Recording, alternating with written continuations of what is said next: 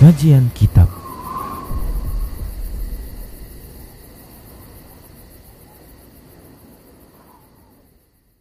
Bismillah, Assalamualaikum warahmatullahi wabarakatuh. Innal hamdalillah nahmaduhu wa nasta'inuhu wa nastaghfiruh. Wa na'udzu billahi min shururi anfusina wa min sayyiati a'malina. Man yahdihillah fala mudilla lah wa man yudlilhu fala hadiyalah وأشهد أن لا إله إلا الله وحده لا شريك له وأشهد أن محمدا عبده ورسوله صلى الله عليه وسلم. قال الله تبارك وتعالى يا أيها الذين آمنوا اتقوا الله حق تقاته ولا تموتن إلا وأنتم مسلمون. يا أيها الناس اتقوا ربكم الذي خلقكم من نفس واحدة وخلق منها زوجها وبث منهما رجالا كثيرا ونساء. واتقوا الله الذي تساءلون به والأرحام. إن الله كان عليكم رقيبا. يا أيها الذين آمنوا اتقوا الله وقولوا قولا سديدا. يصلح لكم أعمالكم ويغفر لكم ذنوبكم. ومن يطع الله ورسوله فقد فاز فوزا عظيما. أما بعد. فإن أصدق الحديث كتاب الله وخير الهدى هدى رسول الله صلى الله عليه وسلم وشر الأمور محدثاتها وكل محدثة بدعة وكل بدعة ضلالة وكل ضلالة في النار Para pemirsa Rasyad TV dan para pendengar Radio Medan Mengaji di mana saja Anda berada, rahimani wa rahimakumullah. Alhamdulillah, saya mengajak kepada saudara seiman Mari kita semua bersyukur kepada Allah Subhanahu wa taala atas semua kebaikan dan kenikmatan yang Allah berikan agar Allah Subhanahu wa taala menambahkan kenikmatan kepada kita lebih-lebih kenikmatan kelak di akhirat. Kemudian selawat dan salam kita ucapkan untuk Nabi kita tercinta Muhammad sallallahu alaihi wasallam. Kita kembali berharap kepada Allah Subhanahu wa taala agar Allah memberikan taufik kepada kita untuk kita tetap berada di atas petunjuk Rasulnya sampai Allah mewafatkan kita. Para muslim rahimani wa rahimakumullah. kita masih membahas tentang akidah tauhid dan kali ini kita akan membahas pembatal-pembatal tauhid yang pada pertemuan lalu telah kita sebutkan nama lain dari pembatal tauhid ini juga disebut oleh para ulama dengan pembatal keimanan, pembatal keislaman, pembatal dua kalimat syahadat. Dan sekedar mengulang bahwasanya tidaklah seseorang yang jatuh ke dalam salah satu dari pembatal-pembatal keislaman atau pembatal tauhid atau pembatal keimanan atau pembatal dua kalimat syahadat lantas ia menjadi orang yang keluar dari agama Islam. Demikian. Tidak tidak mesti demikian. Karena harus terpenuhinya syarat-syarat kekafiran begitu juga hilangnya penghalang-penghalangnya demikian. Baik para muslim rahimani wa rahimakumullah. Kita akan sebutkan di antara pembatal-pembatal tauhid atau pembatal keimanan adalah yang pertama adalah asyirk, asyirk yaitu kesyirikan. Lebih tepatnya adalah asyirkul akbar yaitu syirik besar. Syirik besar. Nanti ada jenis yang lain dari syirik ini yaitu syirik kecil namun dia tidaklah ya membatalkan tauhid, tidak membatalkan keimanan, tidak membatalkan keislaman dan tidak membatalkan dua kalimat syahadat. Hanya saja dia mengurangi tauhid, mengurangi keimanan, mengurangi keislaman demikian. Baik para muslim rahimani warahmatullah, sebelum ya kita melangkah lebih jauh, terlebih dahulu kita akan menyebutkan definisi ya dari syirik akbar demikian pula hukumnya. Para muslim rahimani wa rahimakumullah. Sedikit penjelasan dan sebelumnya tadi sudah kita uh, sebutkan sebelum kita membahas tentang definisi syirik akbar ini, sedikit kita akan e, mengulas ya tentang pembatal tauhid atau pembatal keimanan, pembatal keislaman dengan hal-hal yang mengurangi tauhid, mengurangi keimanan dan mengurangi e, keislaman.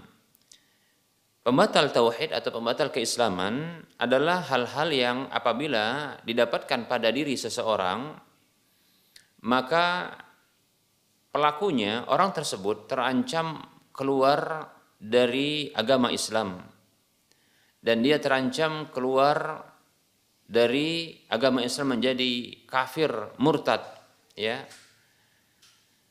dan pembatal-pembatal keislaman ini banyak di antaranya adalah syirik akbar, kufur akbar, kemudian kemunafikan yang akbar yang terkait dengan keyakinan dan ini insya Allah taala kita akan bahas pada waktu mendatang.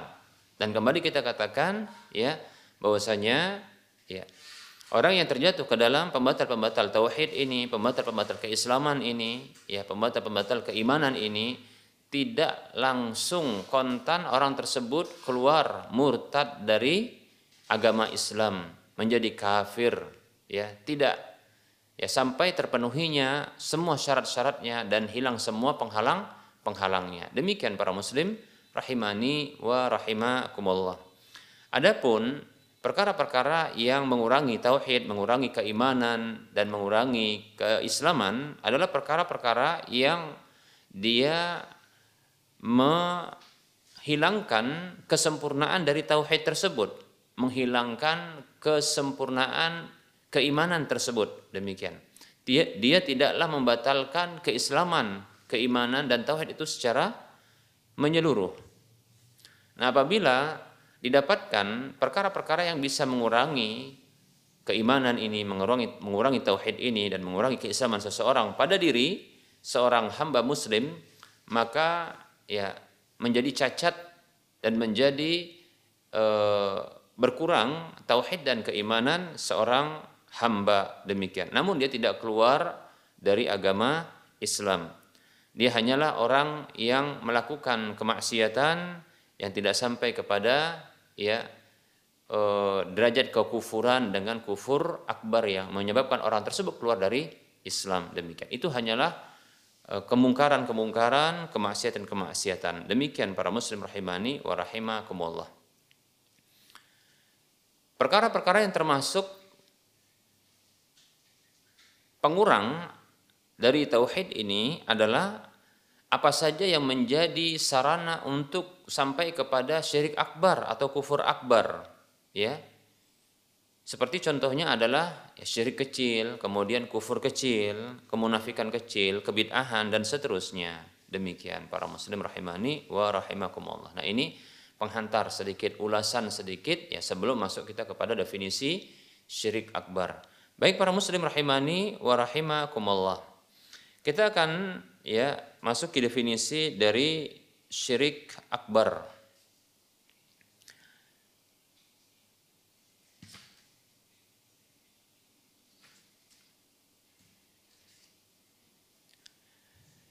Secara uh, definisi syirik akbar ya Maksud dari syirik akbar adalah an yattakhidhal 'abdu lillahi niddan yusawwi yusawwihi bihi fi rububiyyatihi aw au uluhiyatihi au asma'ihi wa sifatihi.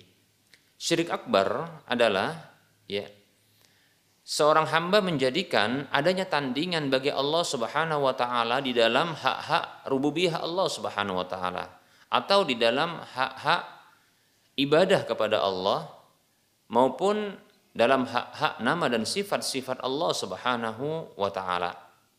Nah, ini adalah termasuk syirik akbar. Menjadikan adanya tandingan bagi Allah Subhanahu wa taala di dalam ya rububiyah Allah Subhanahu wa taala. Itu perbuatan-perbuatan Allah Subhanahu wa taala. Demikian pula di dalam hak peribadahan kepada Allah maupun di dalam nama dan sifat-sifat Allah Subhanahu wa taala. Tentunya ya hukum dari syirik akbar ini merupakan dosa besar ya merupakan dosa besar, bahkan dosa terbesar. Ya. Dosa terbesar yang dilakukan oleh seorang hamba. Kedoliman terbesar yang dilakukan oleh seorang hamba kepada ya kepada sesuatu yang memiliki hak tersebut. Ya. Mengapa? Karena sesungguhnya kesyirikan itu adalah ya bentuk pemalingan ya hak Allah Subhanahu wa taala kepada selain Allah Subhanahu wa taala. Ya. Itu memalingkan hak Allah Subhanahu wa taala itu kepada selain Allah Subhanahu wa taala. Demikian. Nah, ini tentunya adalah haram dengan derajat keharaman yang paling tinggi. Demikian para muslim rahimani wa rahimakumullah. Berikut ini ya kita akan sebutkan ya apa sih bahaya dari syirik akbar ini? Apa sih bahaya dari syirik akbar ini? Baik para muslim rahimani wa rahimakumullah. Yang pertama, bahaya dari syirik akbar ini adalah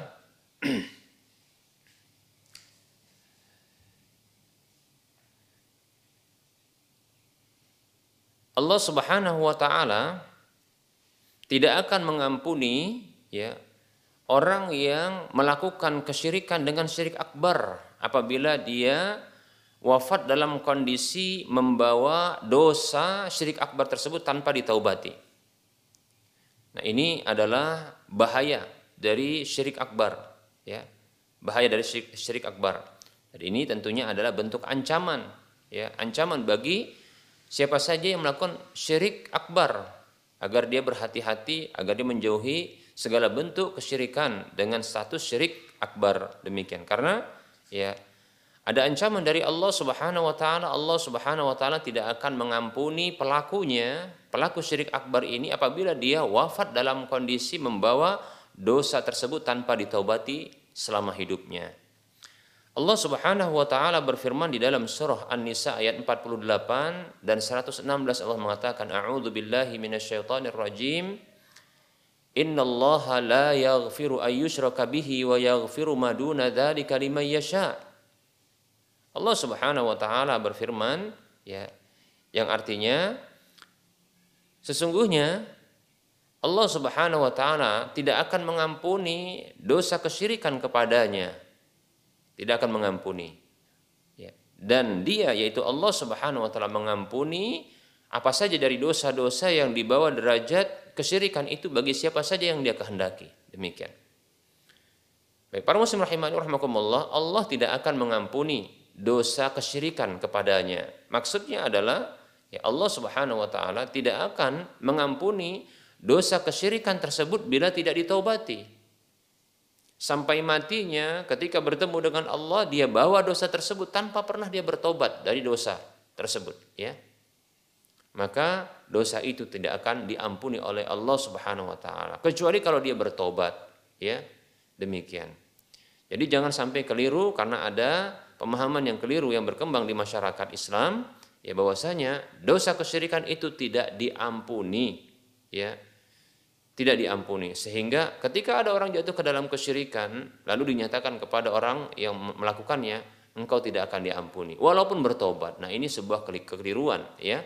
Karena maksud ya dari firman Allah Subhanahu wa taala yang menjadi penyebab munculnya ya dugaan tersebut yang ini tentunya karena salah paham terhadap ayat itu adalah firman Allah dalam surah An-Nisa ayat 48 dan 116 ini.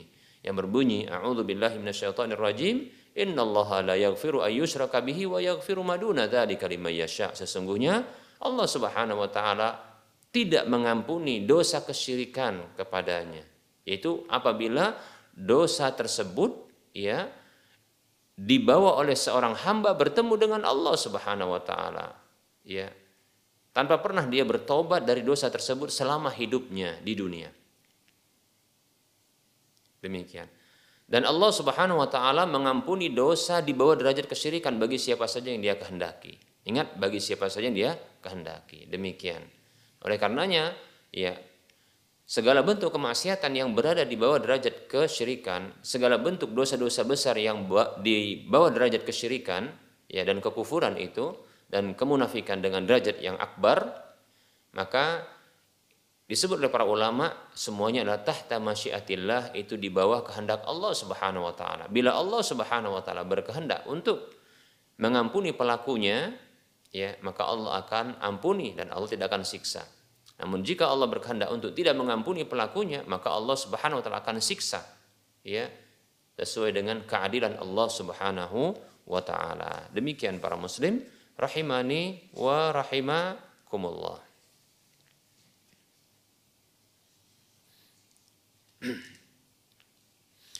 Berikutnya para muslim rahimani wa rahimakumullah ya.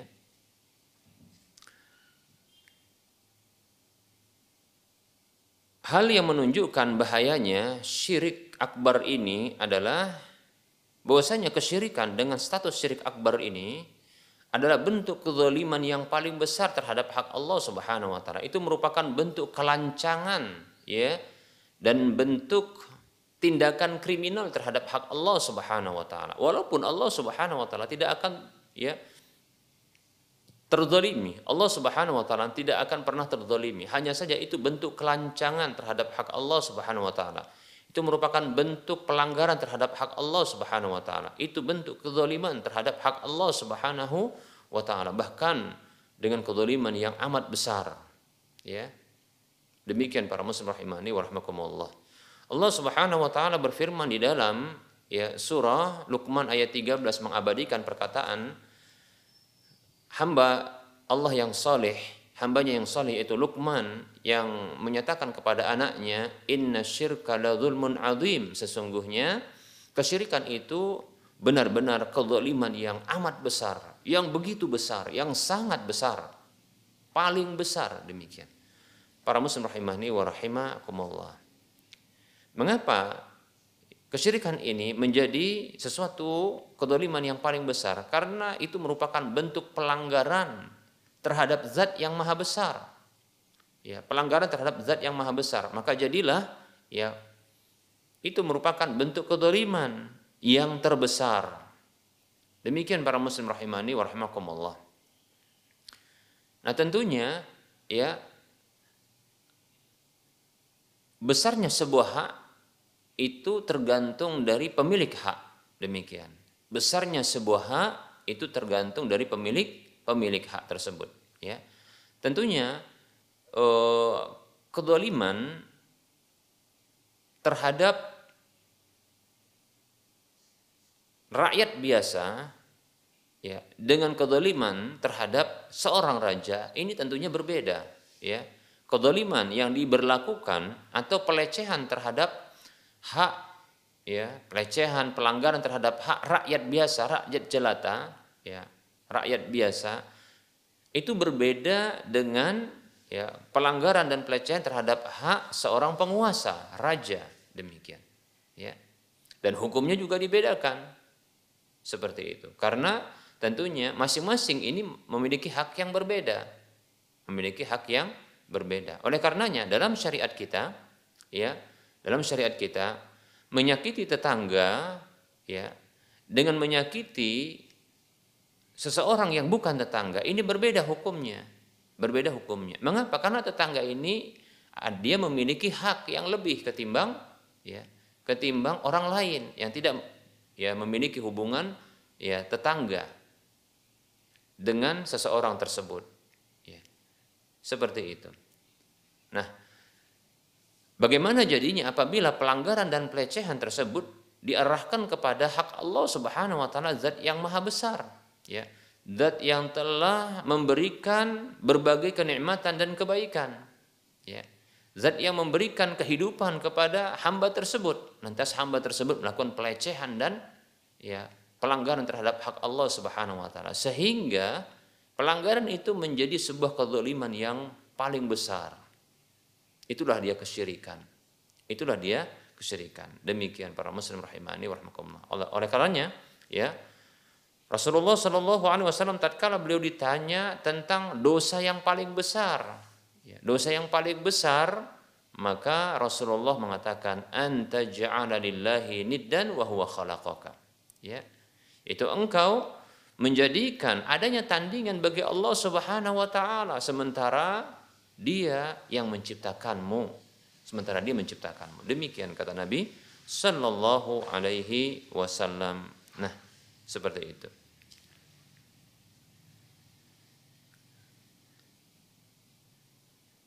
Demikian pula ya bahaya dari kesyirikan ini, syirik akbar ini dan tadi sudah kita sebutkan ini sebagai penegas ya bahwasanya kesyirikan dengan status syirik akbar adalah dosa terbesar. Tadi sudah kita sebutkan itu merupakan bentuk pelanggaran terhadap hak Allah Subhanahu wa taala ya. Pelanggaran terhadap hak Allah Subhanahu wa taala di mana ya seorang hamba ya dia menyamakan Allah Subhanahu wa taala dengan makhluknya yang memiliki kekurangan, yang memiliki kelemahan, sementara Allah Subhanahu wa taala adalah zat yang maha sempurna ya dari berbagai sisinya. Zat yang maha mulia demikian. Bagaimana Allah Subhanahu wa taala disamakan dengan makhluknya? Allah disamakan dengan apa saja yang kurang. Oleh karenanya ini bentuk kezaliman, ini merupakan bentuk pelanggaran, ini merupakan bentuk pelecehan terhadap hak Allah Subhanahu wa taala. Demikian ya. Nah, berikutnya adalah ya kesyirikan itu dengan satu syirik akbar merupakan e, merupakan dosa yang paling besar, dosa yang paling besar. Demikian para muslim rahimani wa rahimakumullah. Dalam sebuah hadis yang diriwayatkan oleh Imam Bukhari dan Muslim, Nabi Shallallahu Alaihi Wasallam pernah bersabda, "Ala unabbiukum bi akbaril kabair." Maukah aku kabarkan kepada kalian, ya, dosa besar yang paling besar? Maka para sahabat ketika itu mengatakan, "Bala ya Rasulullah." Tentu hai Rasulullah. Maka Rasulullah mengatakan Shallallahu Alaihi Wasallam, "Al isyraku al isyraku billah wal uququ wa uququl walidain." Ya, dan seterusnya. Beliau sebutkan yang pertama sekali adalah kesyirikan kepada Allah Subhanahu wa taala. Kesyirikan kepada Allah Subhanahu wa taala dan kemudian adalah ya wa uququl walidain, durhaka kepada kedua orang tua. Demikian para muslim rahimani warahmatullah. Nah, semoga Allah Subhanahu wa taala menjaga kita dari segala bentuk ya kesyirikan, yang besar maupun yang kecil. Baik para muslim rahimani wa rahimakumullah. Berikutnya bahaya dari kesyirikan itu, bahaya dari kesyirikan tersebut para muslim rahimani wa rahimakumullah. Kita sebutkan dulu terkait dengan bahaya-bahaya ya dan ancaman-ancaman tentang syirik akbar ini di akhirat ya.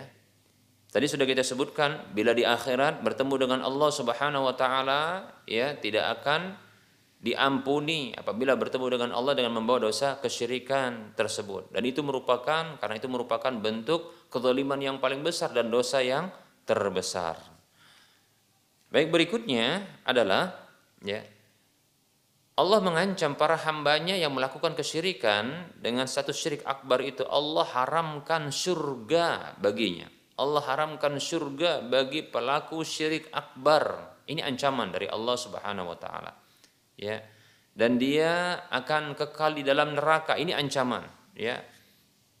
Allah Subhanahu wa taala berfirman dalam surah Al-Maidah ayat 72 Allah berfirman dalam surah Al-Maidah ayat 72 Allah mengatakan A'udzu billahi minasyaitonir rajim Innahu may yusyrik billahi faqad harramallahu alaihi al-jannata wa ma'wahu an-nar wa ma lidh-dhalimin min ansar. Allah berfirman sesungguhnya siapa saja yang berbuat syirik kepada Allah Subhanahu wa taala. Ya berbuat syirik kepada Allah Subhanahu wa taala. Menjadikan adanya tandingan bagi Allah Subhanahu wa taala di dalam hak-haknya. Ya. Maka sungguh faqad harramallahu alaihi jannah. Sungguh Allah haramkan surga itu baginya. Surga merupakan tempat kembali. Tempat kebahagiaan. Tempat kembali di mana itu adalah tempat kebahagiaan, tempat yang penuh dengan kenikmatan. Nah, ketika diharamkan bagi pelaku kesyirikan dengan satu syirik akbar, tentunya tidak ada tempat yang lain kecuali ada tempat yang kedua, ya, yaitu kebalikan dari tempat yang pertama. Ya, kebalikan dari tempat yang pertama ini, itu tempat ya yang penuh dengan ya, derita siksa itulah dia neraka. Ya naudzubillahi min dzalik. Demikian. Allah haramkan surga. Kemudian wa ma'wahun nar dan tempat kembalinya adalah neraka. Lihat, ya. Diharamkan baginya surga, diharamkan baginya surga. Orang yang melakukan kesyirikan dengan syirik akbar diancam oleh Allah Subhanahu wa taala dengan diharamkan surga itu baginya. Diharamkan surga, tempat kebahagiaan, tempat kenikmatan, tempat kebaikan, ya, tempat kembali yang dulu nenek moyang kita ya berada di sana. Baik para muslim rahimani rahmakumullah, malah tempat kembalinya adalah neraka tempat yang penuh dengan penderitaan, penuh dengan siksaan, penuh dengan azab. Ya. Kemudian ketika neraka itu sebagai tempat kembalinya, Allah mengatakan wa min ansar. Dan tidaklah ada bagi orang-orang yang zalim tersebut. Karena sesungguhnya kezaliman, karena sesungguhnya kesyirikan itu merupakan kezaliman yang paling besar. Pelaku kesyirikan adalah orang-orang yang zalim. Allah mengatakan, wa min ansar. Dan tidaklah ya ada bagi orang-orang yang zalim itu para penolongnya. Tidak ada penolong. Jadi tidak ada lagi bisa dia ditolong untuk keluar dari neraka tersebut. Diharamkan surga, Tempat kembalinya dimasukkan ke dalam neraka dan tidak ada yang menolong. Masya Allah. Oleh karenanya kekal di dalamnya. Itu ancaman. Kembali kita katakan, ini adalah ancaman. Dalil-dalil tentang ancaman dari pelaku ya uh, dari ya tindakan kesyirikan dengan satu syirik akbar. Demikian para muslim rahimani warahmatullah. Namun kita bukan sedang memfonis para pelaku Orang-orang yang terjatuh ke dalam syirik akbar ini dengan orang yang kekal dalam neraka, ya haram baginya surga demikian. Tidak, ya. Namun boleh bagi kita untuk ya menyampaikan ancaman ini kepada mereka, bukan maksud untuk memfonis mereka, tapi untuk ya menakut-nakuti mereka, mengancam mereka agar mereka meninggalkan kebiasaannya, agar mereka meninggalkan pelanggaran tersebut yang mereka sedang melakukannya. Demikian para muslim rahimani wa rahimakumullah.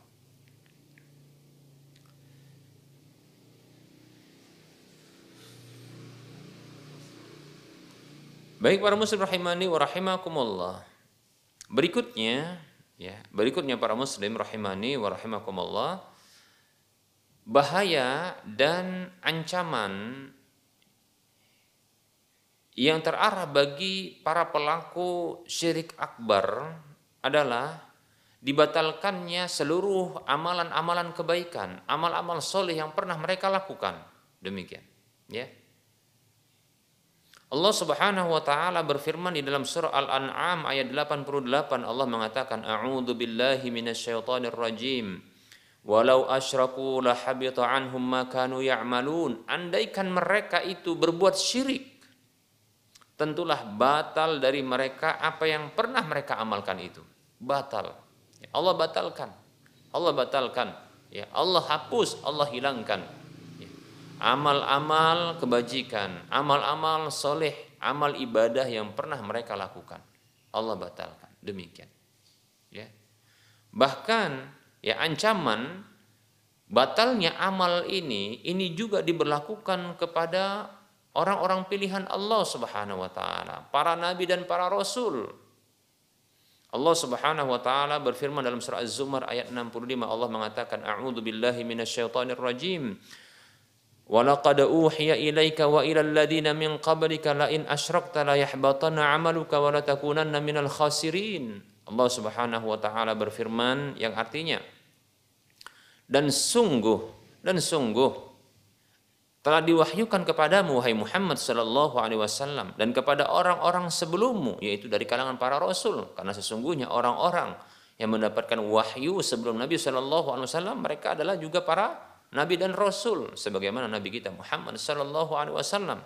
Apa wahyu yang pernah diwahyukan oleh Allah Subhanahu wa taala kepada para rasul dan ini sama la in asyrakta bila kamu berbuat syirik la yahbatanna amaluka sungguh benar-benar akan batal amalmu wala takunanna minal khasirin dan sungguh kamu benar-benar termasuk orang yang merugi. Demikian. Baik para muslim rahimani warahmatullah. Ya. Jangankan kita manusia biasa. Orang-orang terkasih Allah Subhanahu wa taala, orang-orang pilihan Allah Subhanahu wa taala, hamba-hamba terdekat Allah Subhanahu wa taala dari kalangan manusia. Para nabi dan para rasul,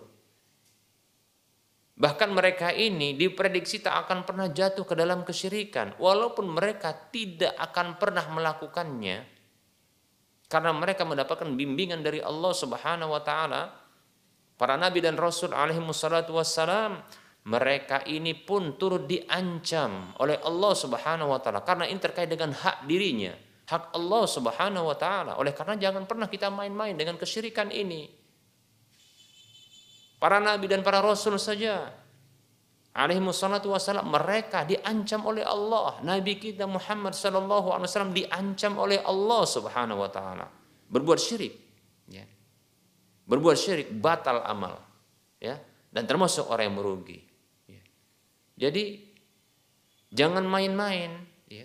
Kita jangan main-main dengan kesyirikan ini demikian. Para muslim rahimani warahmatullah. Nabi kita Muhammad Shallallahu Alaihi Wasallam itu bergelar dengan Khalilur Rahman, Khalilullah, kekasih Allah Subhanahu Wa Taala. Namun luar biasanya adalah Allah Subhanahu Wa Taala mengancam kekasihnya dengan ancaman yang keras, batal amal dan termasuk orang yang merugi kalau melanggar hak Allah Subhanahu Wa Taala. Adakah kita tatkala kita memiliki kekasih orang yang kita kasih, orang yang kita cintai. Apakah kita berani mengancam dengan lisan kita? Kita sampaikan kepadanya ketika kita ketika kita begitu cinta kepadanya, kita ancam dia. Tatkala dia melakukan pelanggaran terhadap hak kita, adakah kita berani? Terkadang lisan ini terkunci. Namun Allah Subhanahu wa taala ingin menunjukkan kepada seluruh para hambanya Jangan pernah bermain-main, jangan pernah ya, meremehkan hak Allah Subhanahu wa taala. Jangan melecehkan hak Allah Subhanahu wa taala. Jangan pernah berbuat kedoliman kepada ya, hak Allah Subhanahu wa taala, pelanggaran terhadap hak Allah Subhanahu wa taala dengan cara berbuat syirik kepadanya. Ya, menjadikan adanya tandingan bagi Allah Subhanahu wa taala di dalam hak-haknya tersebut. Inilah bentuk ya kesyirikan itu dan pelanggaran itu. Baik para muslim rahimani wa rahimakumullah. Ya. Nah, ini menunjukkan betapa besarnya dosa ini ya sampai-sampai nabi kita tercinta sebagai hamba terkasih Allah Subhanahu wa taala itu diancam juga. Bahkan ancaman dengan dua ancaman, batal seluruh amal. Ya, batal seluruh amal amal kebaikan, amal kebajikan, amal kesalehan yang dilakukan. Kemudian berikutnya, padahal sudah beramal ini, berikutnya akan dimasukkan ke dalam ya golongan orang-orang yang merugi yang diadab oleh Allah Subhanahu wa taala di akhirat. Nauzubillahi min dzalik. Baik para muslim rahimani wa rahimakumullah.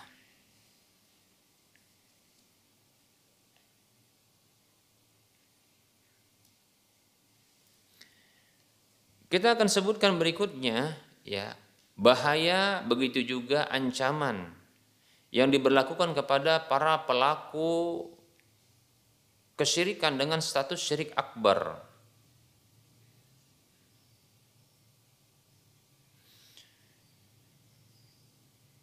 Bahwasanya pelakunya terancam keluar dari Islam. Halal terancam halal darahnya, Demikian pula terancam halal ya hartanya.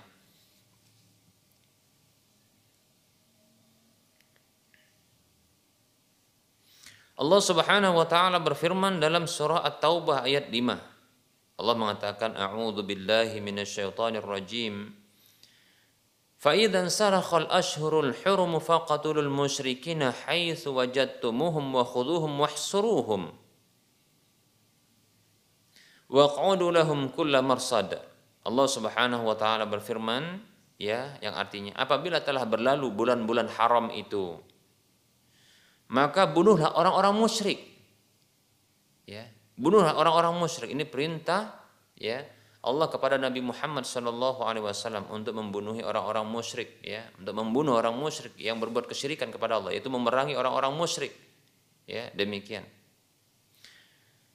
Di mana saja kalian temui mereka dan di mana saja kalian ya kepung mereka ya. Kemudian di mana saja kalian e, tangkap mereka dan kepung mereka. Demikian. Wa lahum marsad. Dan intailah mereka ya pada tempat-tempat setiap tempat pengintaian itu. Demikian. Baik para muslim rahimani wa rahimakumullah. Ini ancaman. Dan ini bukan dilakukan oleh kelompok-kelompok pengajian individu-individu. Yang melakukan ini adalah pemerintah kaum muslimin jika memandang mereka memiliki kemampuan untuk hal tersebut dan ini adalah ancaman bagi pelaku kesyirikan. Demikian. Adapun bagi pelaku kesyirikan mungkin yang di luar ya, di luar wilayah, nah ini mungkin butuh ya untuk perencanaan yang matang. Adapun untuk di dalam negeri sendiri maka ini ya bisa untuk diberlakukan ya. Demikian para muslim rahimani wa rahimakumullah, tapi ini pun yang melakukannya adalah pemerintah berdasarkan kebijakan dari mereka. Demikian. Kemudian Nabi kita Muhammad sallallahu alaihi wasallam bersabda, "Umirtu an uqatilan nasa hatta yashhadu an la ilaha illallah wa anna Muhammadar Rasulullah." Wa yuqimu as-salah wa yutu az-zakah fa idza fa'alu dhalika 'asamu minni dima'ahum wa amwalahum illa bihaqqil Islam wa 'ala Allah taala. Hadis ini hadis yang dikeluarkan oleh Imam ya Bukhari dan Muslim. Kata Nabi sallallahu alaihi wasallam ya Aku diperintahkan oleh Allah Subhanahu wa taala untuk memerangi manusia sampai mereka bersaksi bahwasanya tidak ada sesembahan yang berhak disembah kecuali Allah dan bahwasanya Muhammad sallallahu alaihi wasallam adalah utusan Allah, mendirikan salat dan menunaikan zakat. Apabila, mereka telah melakukan hal tersebut, maka ya terjagalah dariku ya darah-darah mereka, harta mereka kecuali dengan hak Islam ya dan perhitungan mereka ada di sisi Allah Subhanahu wa taala. Demikian. Nah, tentunya peperangan ini bukan sembarangan peperangan, ya. Bukan sembarangan peperangan ya yang tanpa adab. Karena Nabi Shallallahu alaihi wasallam ketika mengucapkan hal ini ketika mendapatkan sabda uh, firman Allah Subhanahu wa taala surah Al-Maidah uh, surah At-Taubah ayat 5 dan yang lainnya yang terkait dengan peperangan yang memerangi orang-orang kafir. Beliau tidak serampangan, ya. Beliau dibimbing oleh Allah Subhanahu wa taala ya untuk memiliki adab-adab di dalam berperang. Demikian. Terlebih dahulu beliau ya mengirim surat ya kepada pemimpin-pemimpin tokoh-tokohnya untuk mereka ya mengajak mereka masuk Islam. Demikian ya. Seperti itu. Aslim taslam masuk Islamlah. Engkau akan selamat. Begitu juga selamat ya kerajaannya begitu juga kekuasaannya seperti itu Baik para muslim rahimani wa rahimakumullah. Dan ya, begitu juga ditawarkan untuk masuk Islam, ditawarkan juga untuk ya kalau tak mau untuk masuk Islam karena tidak ada paksaan untuk masuk dalam agama Islam, la ikraha din, tidak ada paksaan ke dalam Islam ini, ya, tidak ada paksaan di dalam Islam ini. Seperti itu. Nah, maka kalau tidak uh, tidak ingin masuk Islam maka tidak masalah, tidak ada paksaan. Kemudian ada tawaran untuk membayar jizyah, yaitu pembayaran upeti kepada ya pemerintah kaum muslimin yang kemudian ya upeti ini ada kompensasi yang mereka dapatkan yaitu bentuk pengamanan ya wilayah tersebut, ya bentuk bantuan bila ada musuh-musuh mereka yang mengganggu dan e, merusak stabilitas keamanan mereka demikian seperti itu. Ya, dan tidak boleh bagi kaum muslimin untuk melakukan ya eh, pelanggaran kriminalitas terhadap orang-orang kafir yang telah membayar upeti tersebut. Dan itu tidaklah diwajibkan kepada orang-orang yang miskin dari kalangan mereka. Namun ini hanya orang-orang yang mampu saja. Seperti itu. Dan ternyata umat Islam pun demikian. Dalam setahun ya mereka dikenakan pembayaran zakat. Adapun orang kafir ya ketika mereka ya tidak mau masuk Islam, mereka ya dia harus membayar upeti. Demikian. Dan ini setahun sekali seperti zakat. Ya, seperti itu. Jadi bukan hanya orang kafir saja yang ditarik harta dari mereka. Orang Islam pun demikian. Hanya saja bagi orang Islam pelakunya dapat pahala, namun bagi orang kafir maka tidak mendapatkan pahala. Demikian. Itu saja bedanya. Ya, walaupun ada juga beda yang lainnya, ya. Namun, ya, e, bukanlah bentuk apa namanya? bentuk ketidakadilan ya ketika ternyata orang-orang kafir tersebut ya ketika mereka membayar upeti atau jizyah ini mereka lantas tidak mendapatkan kompensasi apa pun mereka dapatkan kompensasi bahkan lebih besar ketimbang ya ketimbang apa yang mereka berikan tersebut seperti itu karena ada penjagaan keamanan wilayah ya seperti itu ya bahkan eh, keamanan pribadi-pribadi individu orang-orang kafir tersebut yang mereka disebut dengan ahlu zimmah ya atau kafir zimmi Baik para muslim rahimani wa rahimakumullah. Bahkan orang Islam pun ya mereka diancam ya, diancam ya bagi siapa saja melakukan pelanggaran hak terhadap orang-orang yang diberikan keamanan ya telah melakukan e, perjanjian kepada umat Islam. Siapa saja individu dari kaum muslimin yang melakukan ya pembunuhan maka mereka ini diancam oleh Nabi Shallallahu Alaihi Wasallam. Ya kata Nabi Shallallahu Alaihi Wasallam ya man qatala mu'ahadan lam yarah raihatal jannah. Siapa saja yang membunuh ya seorang kafir yang mu'ahad yang dia ya diberikan ya diberikan janji keamanan ya. Ada perjanjian dengan kaum muslimin untuk diberikan keamanan ya. Maka siapa saya membunuhnya dari kalangan kaum muslimin maka dia tidak akan mencium aroma surga. Demikian para muslim rahimani wa rahimakumullah. Baik. Berikutnya ancaman dan bahaya dari syirik akbar ini adalah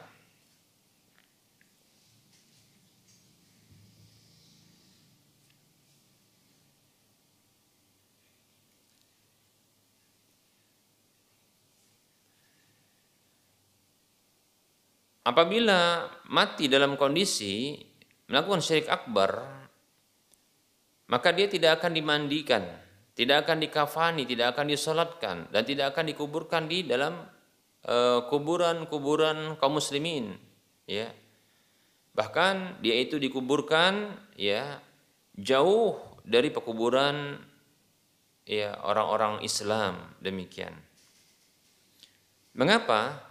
Ya agar agar ya orang-orang Islam yang dikuburkan ketika itu tidak terganggu dengan adab yang menimpa dirinya. Dengan aroma yang mengganggu yang muncul darinya. Demikian seperti itu ya. Seperti itu para muslim rahimani wa rahimakumullah. Begitu juga ya bahaya dan ancaman bagi para pelaku syirik akbar ya maka diharamkan untuk menikah dengan mereka menikah dengan mereka ya. menikah dengan mereka. Baik itu ya menikah dengan wanita pelaku syirik akbar atau menikah dengan laki-laki pelaku syirik akbar. Demikian Nabi Allah Subhanahu wa taala berfirman di dalam surah Al-Baqarah 221 Allah mengatakan a'udzu billahi minasyaitonir rajim wala tankihul musyrikati hatta yu'min. Wala amatun mu'minatun khairum min musyrikati walau a'jabatkum. Wala tunkihul musyrikina hatta yu'minu. Wala 'abdun mu'minun khairum min musyriki walau a'jabakum. Allah mengatakan janganlah kalian ya janganlah kalian menikahkan. Eh, janganlah ya. Janganlah kalian menikah dengan wanita-wanita musyrik sampai mereka ini beriman. Sungguh ya budak wanita yang beriman itu lebih baik ketimbang wanita musyrik. Walaupun wanita itu menakjubkan pandangan kalian dan janganlah kalian menikahkan ya wanita-wanita yang dibawa perwalian kalian itu dengan laki-laki musyrik sampai mereka beriman. Sungguh budak laki-laki yang beriman itu lebih baik ketimbang laki-laki musyrik tadi. Walaupun dia itu mengagumkan kalian. Demikian ya. Seperti itu. Jadi tidak boleh kita menikah menikahkan ya, tidak boleh kita menikahkan atau menikah dengan orang yang menjadi pelaku syirik akbar. Demikian para muslim rahimani wa rahimakumullah. Nah ini e, berbagai ancaman ya dan bahaya bagi para pelaku kesyirikan. Ya. Oleh karenanya ya hendaknya kita berhati-hati dan waspada, ya berhati-hati dan waspada. Nah prinsip kita adalah ketika mengenali keburukan, ya adalah kita kenali, kita pelajari bukan untuk dikerjakan, kita ilmui namun untuk kita tinggalkan. Demikian. Seperti itu. Ya. Sebagaimana kita mengenali kebaikan-kebaikan perintah-perintah kewajiban-kewajiban ya itu adalah untuk dikerjakan untuk dilakukan adapun mengenali keburukan-keburukan ya keharaman-keharaman larangan-larangan adalah untuk ditinggalkan bukan untuk dikerjakan demikian Hudzaifah ibn Yaman radhiyallahu anhu pernah mengatakan, "Kana an-nasu yas'aluna Rasulullah sallallahu alaihi wasallam anil khairi wa kuntu as'aluhu 'anil syarri ma khafata an yudrikani." Beliau mengatakan radhiyallahu anhu, dahulu orang-orang itu para sahabat dahulu mereka bertanya kepada Rasulullah sallallahu alaihi wasallam tentang perkara-perkara yang baik, kebaikan-kebaikan, perintah-perintah, ya, perkara-perkara yang e, kebaikan, kebajikan. Manusia, orang-orang ketika itu bertanya, ya. tentunya adalah untuk dikerjakan. Wa kuntu as'aluhu anis syarri. Sementara aku bertanya kepada beliau sallallahu alaihi wasallam tentang keburukan-keburukan. Ya.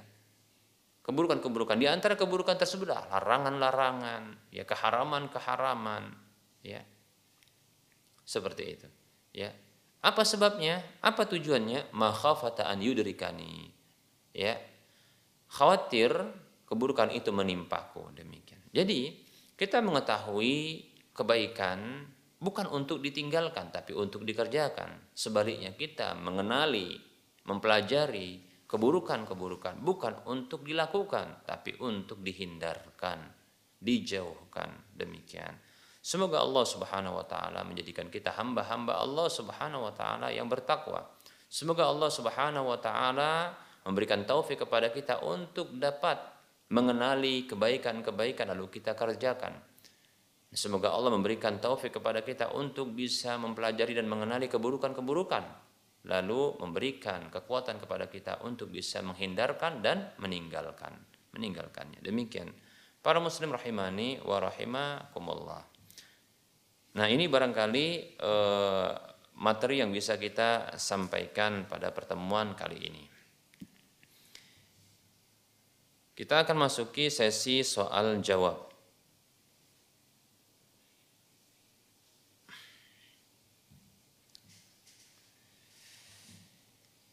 Baik ada pertanyaan di sini. Assalamualaikum Ustadz. Mau bertanya, apakah barang temuan yang haram, semisal rokok, yang lain contohnya minuman keras, ya. Begitu juga contohnya sabu-sabu, ya, barang-barang terlarang tersebut. Apakah juga harus diumumkan? Misalnya saya menemukan rokok sebungkus rokok dengan koreknya. Apakah saya harus mengumumkannya dan mengembalikan kepada yang punya atau gimana? Syukran. Barakallahu fikum.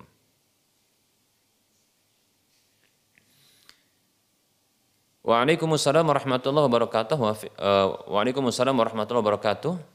Wa fik barakallah. Afwan eh, barang-barang yang haram yang itu dimiliki oleh orang lain ya apabila ditemukan di jalanan atau didapatkan ya karena mungkin tertinggal oleh orangnya maka boleh bagi kita untuk melenyapkannya.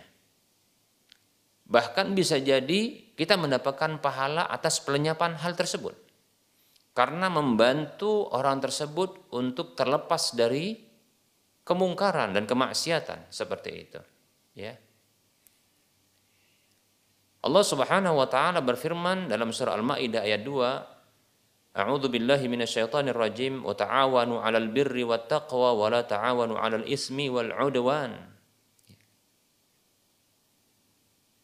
Tolong menolonglah kalian di atas kebajikan dan ketakwaan dan janganlah kalian tolong menolong di atas dosa dan permusuhan mengembalikan barang tersebut kepada pemiliknya yang barang tersebut adalah barang-barang yang haram. Nah, ini bisa jadi akan ya membantu pemiliknya tersebut untuk melakukan perkara yang haram dengan barang itu. Demikian. Seperti itu. Bahkan dalam madhab syafi'i, madhab syafi'i, ya, madhab imam syafi'i, ya, itu melenyapkan ya alat-alat ya musik yang itu adalah perkara-perkara yang melanggar ya dan itu adalah perkara yang diharamkan maka tidak ada kewajiban untuk mengganti ya. Tidak ada kewajiban untuk mengganti ya. Tidak ada doman tidak ada tanggung jawab untuk menggantinya seperti itu ya. Termasuk adalah hal seperti ini. Maka tidak wajib ya tidak wajib ya untuk mengumumkan barang yang haram yang ditemukan tersebut. Bahkan boleh untuk dilenyapkan. Bahkan kembali kita tegaskan bisa jadi bahkan itu merupakan ya hal yang dengannya kita mendapatkan pahala. Karena membantu orang tersebut ya untuk tidak jatuh kepada dosa. Dan kita sedang melakukan firman Allah Subhanahu wa taala atau mempraktekkan firman Allah Subhanahu wa taala wala ta'awanu 'alal ismi wal 'udwan dan janganlah kalian tolong menolong di atas dosa dan permusuhan. Nah, tentunya dengan mengembalikan atau mengumumkan barang tersebut ya sehingga nanti akan kembali kepada pemiliknya ya. Nah, ini akan menyebabkan orang tersebut ya akan melakukan ya kemudaratan bisa bagi dirinya atau bagi orang lain. Demikian. Padahal Rasulullah SAW bersabda la darara wala dirar Hadis riwayat Ad-Daruqutni. Ya, tidak boleh memodorkan diri dan orang lain demikian. Seperti itu. Nah, mudah-mudahan ini merupakan bentuk ya pengingkaran terhadap sebuah kemungkaran. Yang Nabi SAW bersabda, "Man ra'a minkum mungkaran falyughayyirhu fa illam yastati' fa bilisanihi, fa illam yastati' fa biqalbihi wa dzalika at'aful iman." Ya. Siapa saja yang melihat kemungkaran, dan tentunya rokok ini ya ini adalah sebab munculnya nanti kemungkaran karena orang akan merokok ya. Begitu juga contohnya ya eh, sabu-sabu atau barang-barang narkotika ya. Barang-barang narkoba itu ya. dan seterusnya dari ya barang-barang yang sesungguhnya dia memuat perkara yang haram ya demikian. Maka itu merupakan bentuk kemungkaran. Falyughayyirhu biyadihi maka rubahlah kemungkaran itu dengan tangannya dan kebetulan ketika itu dia memiliki kemampuan dengan tangannya untuk melenyapkannya maka lakukan ketika itu. Seperti itu. Fa ilam yastati fa bi lisanihi. Kalau tak mampu maka dengan lisannya. Eh, fa ilam yastati fa bi qalbihi. Kalau tak mampu maka dengan hatinya. Wa dzalika ta'aful iman dan itu adalah selemah-lemah iman. Ya hadis riwayat muslim. Dan tentunya ya ini insya Allah mampu dengan tangan kita untuk melenyapkannya. Lebih-lebih tidak ada dampak buruk ya yang didapatkan dengan pelenyapan itu, yang didapatkan dari pelenyapan itu. Ya, maka lenyapkan saja seperti itu. Wallahu taala a'lam.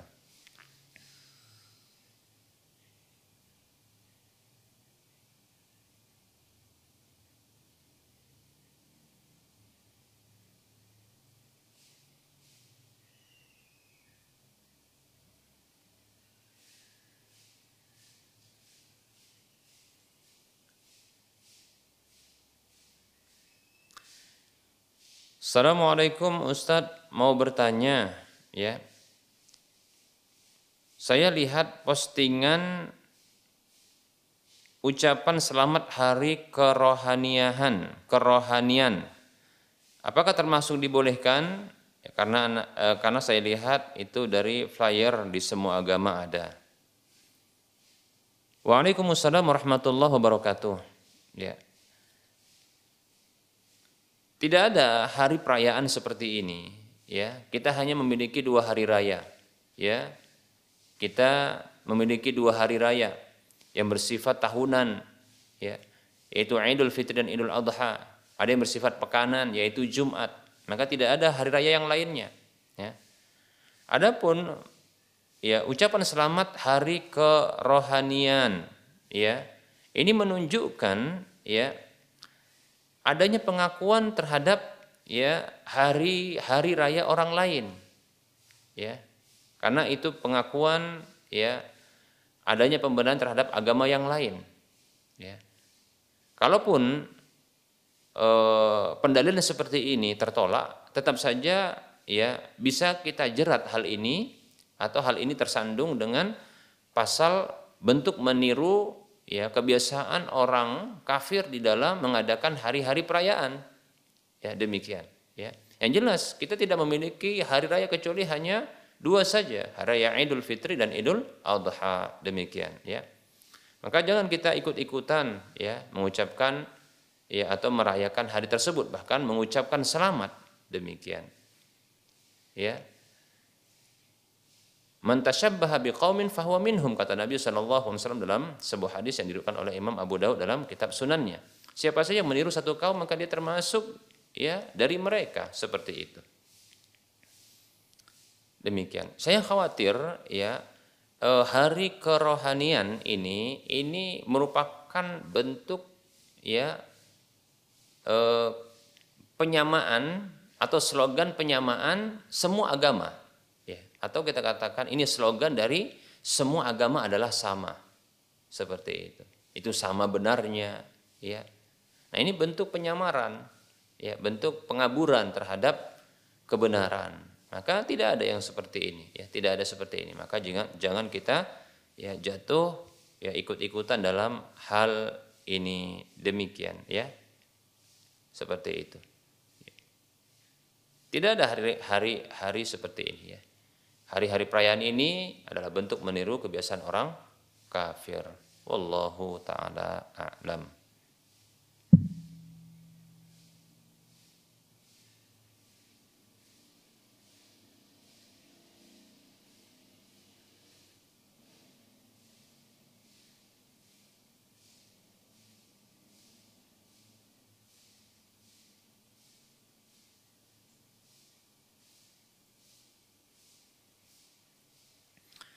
Ada ungkapan seorang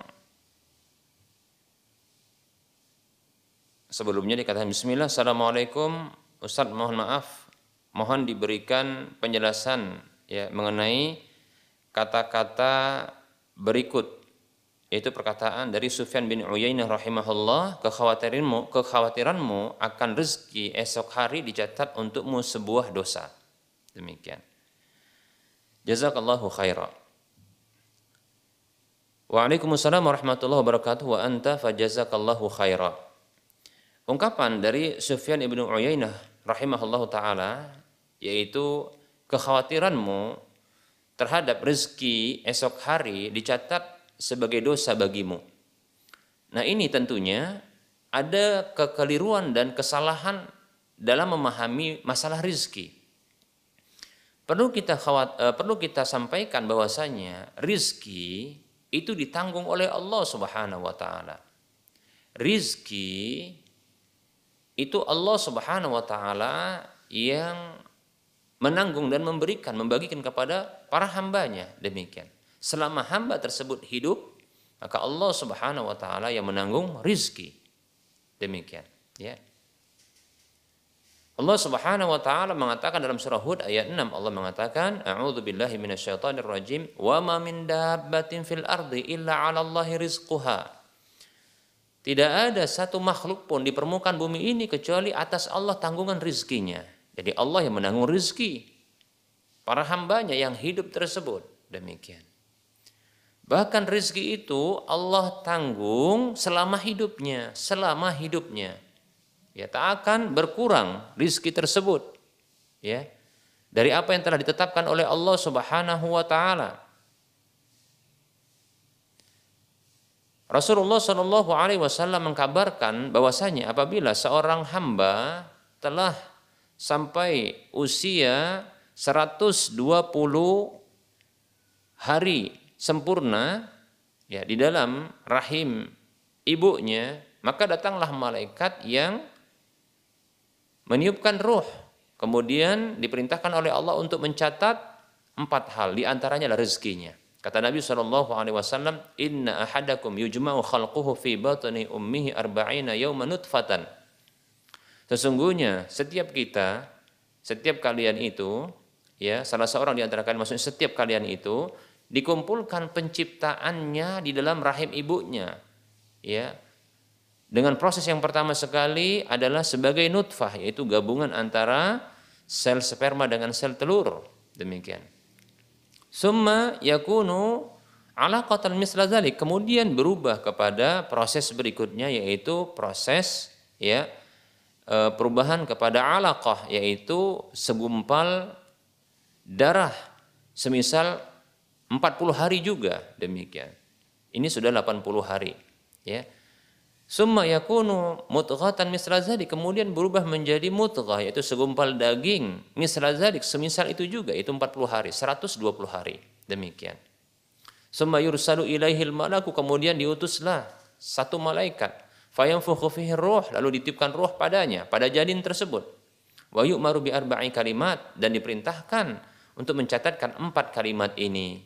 Bikat birizkihi. Mencatatkan rizkinya. Wa ajalihi ajalnya wa amalihi perbuatannya. Wa syaqiyun au sa'id dia celaka atau bahagia. Demikian. Hadis riwayat Bukhari Muslim. Demikian. Ya. Nah rezeki telah dicatatkan. Ya. Rezeki itu telah dicatatkan. Ya. selama hidupnya. Demikian. Oleh karenanya Allah menanggung rezeki hamba itu selama hidupnya. Lalu apa yang menyebabkan kita untuk ragu? Ya. Untuk ragu dan khawatir.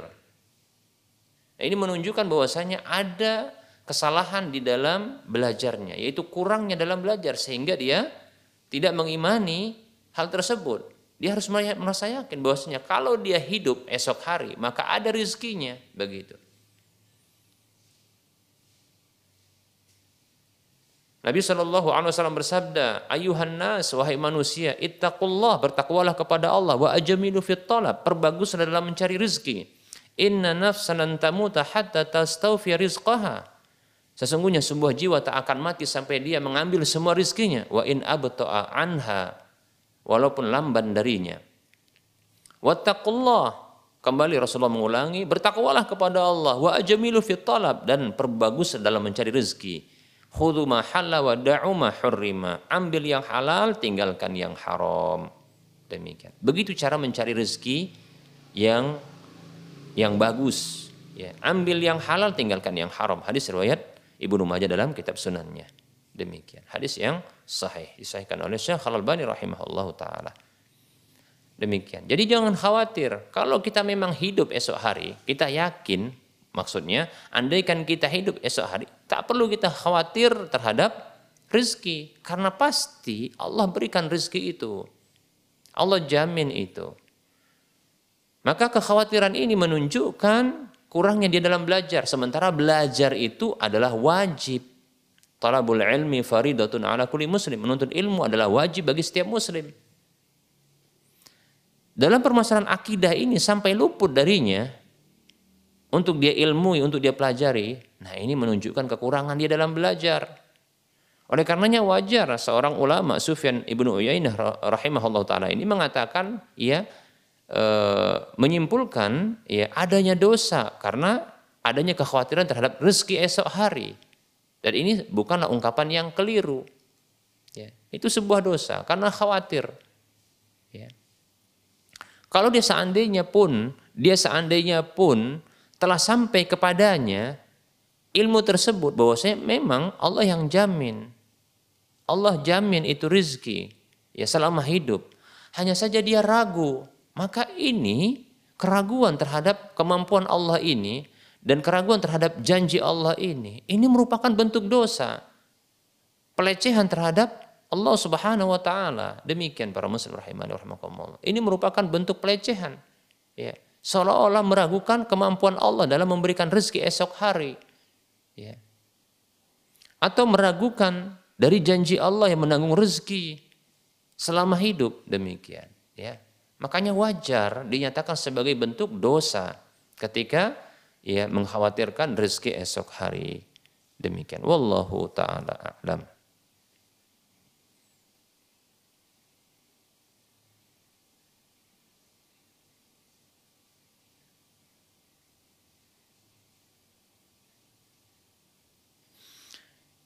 Assalamualaikum warahmatullahi wabarakatuh. Dari uh, saya Henry dari Sungai Pakning, Kabupaten Bengkalis.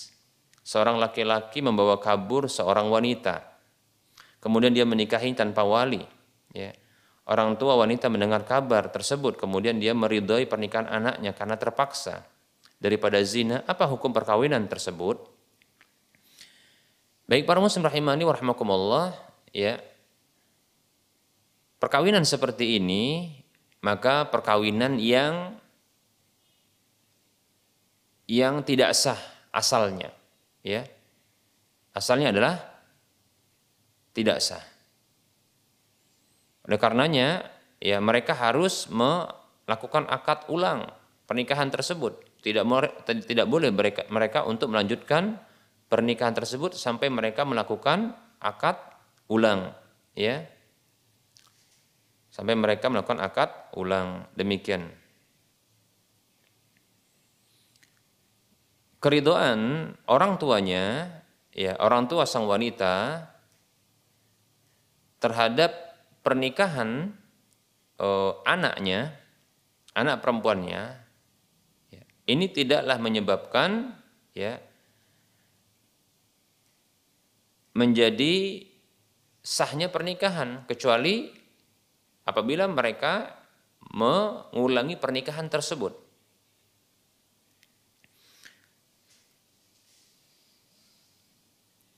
Andaikan orang tuanya tidak berkenan hadir namun meridhoi, maka cukup orang tuanya tersebut, ya walinya, itu ayah dari sang wanita tersebut, untuk menunjuk seseorang sebagai penggantinya yang mewakilkan kepadanya untuk menikahkan anaknya, demikian. Namun apabila mereka di awal pernikahan tidak mendapatkan restu ya izin dari sang wali tersebut maka pernikahan mereka itu batal ya batal seperti itu. Dan hubungan badan mereka itu ter, terhitung zina terhitung zina. Karena wali wali tidak menikahkan mereka demikian. Dalam sebuah hadis yang diriwayatkan ya oleh Imam Ahmad, Abu Daud, Tirmidzi, Ibnu Majah dan yang lainnya yang hadis ini disahihkan oleh Syekh Al-Albani rahimahullah taala dalam Sahihul Jami dengan nomor urut hadis 2709 dari sahabat atau istri Rasulullah sallallahu alaihi wasallam Aisyah radhiyallahu anha Rasulullah sallallahu alaihi wasallam bersabda ayyu mamra'atin nakahat bi ghairi idzni waliyiha fanikahuha batilun fanikahuha batilun fanikahuha batilun ya Wanita mana saja yang menikah tanpa izin walinya? Wanita tadi menikah tanpa izin walinya. Fanikah batilun, maka nikahnya batal. Rasulullah tidak mengulangi sekali. Atau Rasulullah bukan menyebutkan sekali. Bahkan Rasulullah mengulangi sampai tiga kali. Fanikahu batilun, nikahnya batal. Fanikahu batilun, nikahnya batal. Batal itu nikahnya. Tiga kali Rasulullah tegaskan. Ya, demikian. Fa in dakhala biha falahul mahru bima istahalla min farjiha. Maka apabila si laki-laki tadi telah ya menggaulinya, maka berhak bagi sang wanita tersebut maharnya disebabkan apa yang telah dihalalkan dari kemaluannya. Demikian. Ya, seperti itu. Maka nah di sini ulangi nikah. Maka solusinya adalah mengulangi nikah mereka bertobat kepada Allah Subhanahu wa taala ya seperti itu Alhamdulillah sang wali tersebut sudah meridai maka tinggal mengulang mengulangi nikah. Ulangi nikah tersebut ya. Mudah-mudahan ya mereka insya Allah taala menjadi hamba-hamba yang soleh dan solehah ya dan dikarunia anak yang soleh dan soleha juga amin ya. Wallahu taala a'lam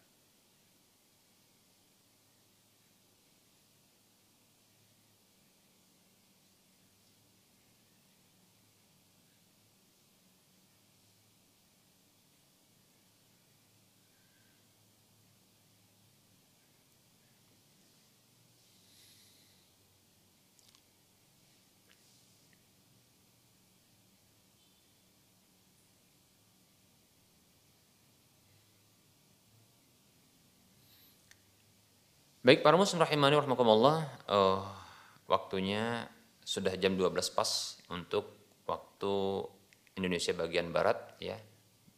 Dan ini mendekati waktu zuhur di waktu Kota Medan ya. Sumatera Utara. Nah, kita cukupkan saja kajian kita. Tentunya dalam kajian ini banyak kekurangan dan kesalahan dan kekeliruan. Oleh karenanya saya pribadi mohon maaf ya kepada para pemirsa dan para pendengar sekalian kepada Allah saya mohon ampun. Kebenaran itu datang dari Allah maka ambillah. Ya. Kita cukupkan. Wasallallahu ala subhanakallahumma wa bihamdika asyhadu an la ilaha illa anta astaghfiruka wa atubu ilaika walhamdulillahi rabbil alamin. Warahmatullahi wabarakatuh